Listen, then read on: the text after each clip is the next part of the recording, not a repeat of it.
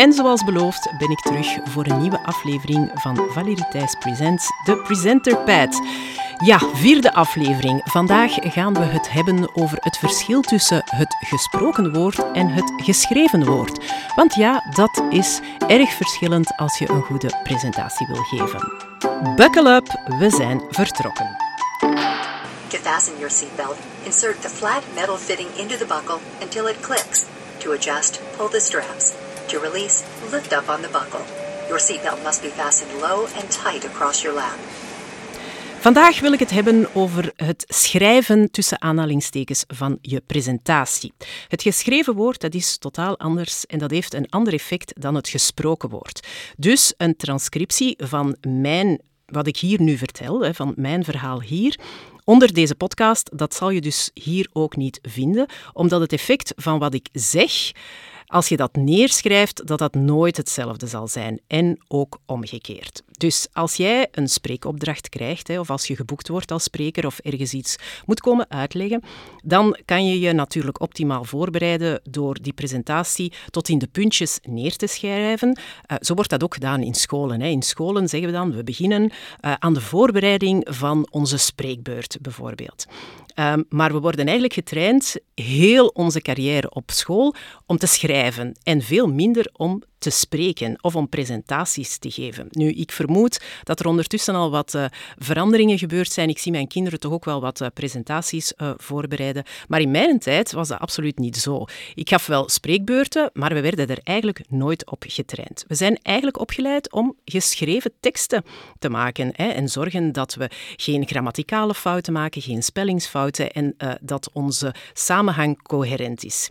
Ja, schrijven, dat is een hele andere manier uh, van denken dan wanneer je spreekt. Dus als je iets neerschrijft, dan ga je dat doen in conceptvorm. Veel meer dan wanneer je praat. Als je praat kan je van de hak op de tak gaan, terwijl dat, dat in een geschreven tekst veel minder evident is. Je hebt dus een schrijvende geest en een sprekende geest. En ja, de meeste presentaties die neergeschreven zijn, die zijn lang, rechtlijnig, plat. En laten we heel eerlijk zijn, saai. We denken heel vaak na over welke woorden we gaan gebruiken, neerschrijven, en dat is totaal anders dan wanneer je praat. En dan gebeurt natuurlijk het onvermijdelijke. Je schrijft, herschrijft en perfectioneert tot treures toe. Als je ooit een e-mail geschreven hebt eh, waar je echt heel lang aan gewerkt hebt, dan zal je dat herkennen.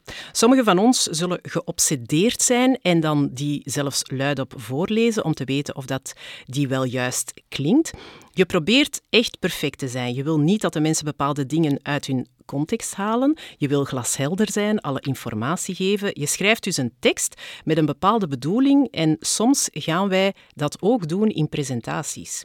Die presentatie wil je perfect maken, maar dan eindig je eigenlijk met het feit dat dat totaal niet natuurlijk klinkt en dat dat er ja, dat dat klinkt alsof het echt gescript is en niet meer authentiek.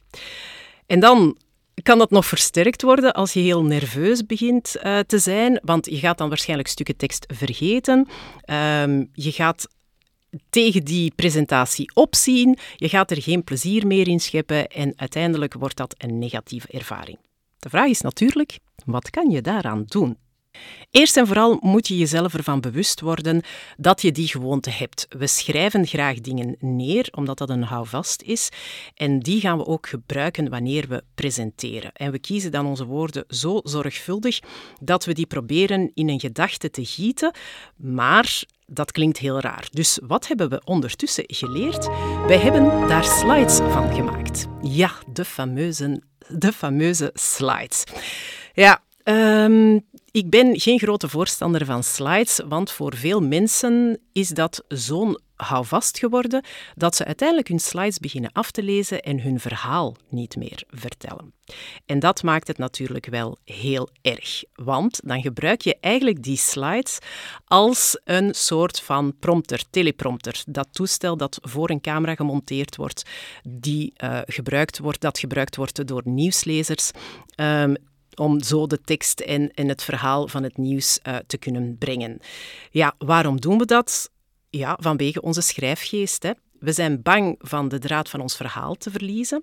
We willen alles gescript zien en dus gaan we die slides gebruiken met zoveel mogelijk tekst en informatie op, terwijl dat je er eigenlijk zo weinig mogelijk dingen op moet zetten, om toch maar die houvast te hebben. Het voelt veilig en je voelt je eigenlijk in een beschermde kokon, want je hebt eigenlijk ergens een script aan de zijkant liggen. Je kan dat zien. Je kan al zien wat de volgende slide gaat worden, wat het volgende is dat je over uh, moet praten. Maar ja, dat werkt natuurlijk niet. Hè. Um, je voelt dat ook als iemand presenteert van op zijn slides en niet zijn authentieke verhaal komt brengen. Als je identiek dezelfde presentatie zou geven op een podium met inderdaad een slide deck en een uh, retourscherm waar je die slides op kan zien, en je hebt iemand die zich daar heel strak aan vasthoudt, of die persoon moet dat aan een bevriend iemand, een collega vertellen, gewoon in een kleine ruimte, um, met misschien wel hier en daar een slide als ondersteuning, maar vooral zijn eigen verhaal vertellen, dan zullen die twee presentaties absoluut anders klinken. En guess what? Die tweede presentatie in intieme kring, waar je minder angst hebt om te falen, waar je niet die, zozeer die hou vast wil hebben van die slides, die gaat veel oprechter zijn. Dat gaat dieper gaan, dat gaat meer impact laten op de mensen die naar jou aan het luisteren zijn. En dus ook gewoon meer effect hebben. Nu, ik had beloofd dat we een manier gingen vinden om dat dan te omzeilen. En dat is eigenlijk een beetje omslachtig, dat is waar, maar het heeft een veel straffer effect. De ideale manier om dus zo'n talk voor te bereiden is eerst je gedachten op te nemen. Uh, op te nemen uh, met de dictafoon bijvoorbeeld van je telefoon. Hè. Iedereen heeft in zijn of haar gsm tegenwoordig een uh, dictafoontje. En je kan daar je gedachten op loslaten en die gewoon opnemen en daarna herbeluisteren. Als je dat doet, dan ga je de kerngedachten die je hebt kunnen distilleren uit dat hele verhaal en dat zijn misschien de dingen die je op een slide moet zetten. Een kerngedachte, een woord of een beeld uh, om dat woord te ondersteunen en te versterken. En daar rond ga je je verhaal opbouwen. Het is echt wel oké om een uh, ja, presentatieplan of schrijversplan te maken, maar daar mogen eigenlijk alleen maar kernboodschappen op zitten. Kernwoorden. Dus geen volzinnen, ook geen volledige enumeraties of opsommingen, want dan ga je jezelf daar zo hard op vastpinnen dat je uh, ja, op den duur tussen het bos de bomen niet meer ziet. Het is ook heel belangrijk om hier en daar zo wat triggerwoorden op te schrijven op je fiches of uh, op, op een van die slides, die je weer een cue zullen geven. Een cue, dus een, een momentje van, ah ja, oké, en nu moet er dit gebeuren, uh, om ervoor te zorgen dat je de draad van je verhaal niet verliest en dat je al je gedachten netjes kan overbrengen naar je publiek. En als je dat kan doen en je kan daaraan vasthouden, dan geraak je in je eigen flow, in je zone of genius en dan ga je natuurlijk een topprestatie neerzetten. Valerie Thijs presents The Presenter Path. En ik ben er zeker van dat er nu een aantal mensen denken: oh ja, ik doe dat ook. Wel, dat is heel herkenbaar. Dat is absoluut normaal dat je dat doet. Maar stap daarvan af alles wat we vroeger op school geleerd hebben, dat was goed op dat moment. Ondertussen zijn we geëvolueerd. We hebben dingen bijgeleerd.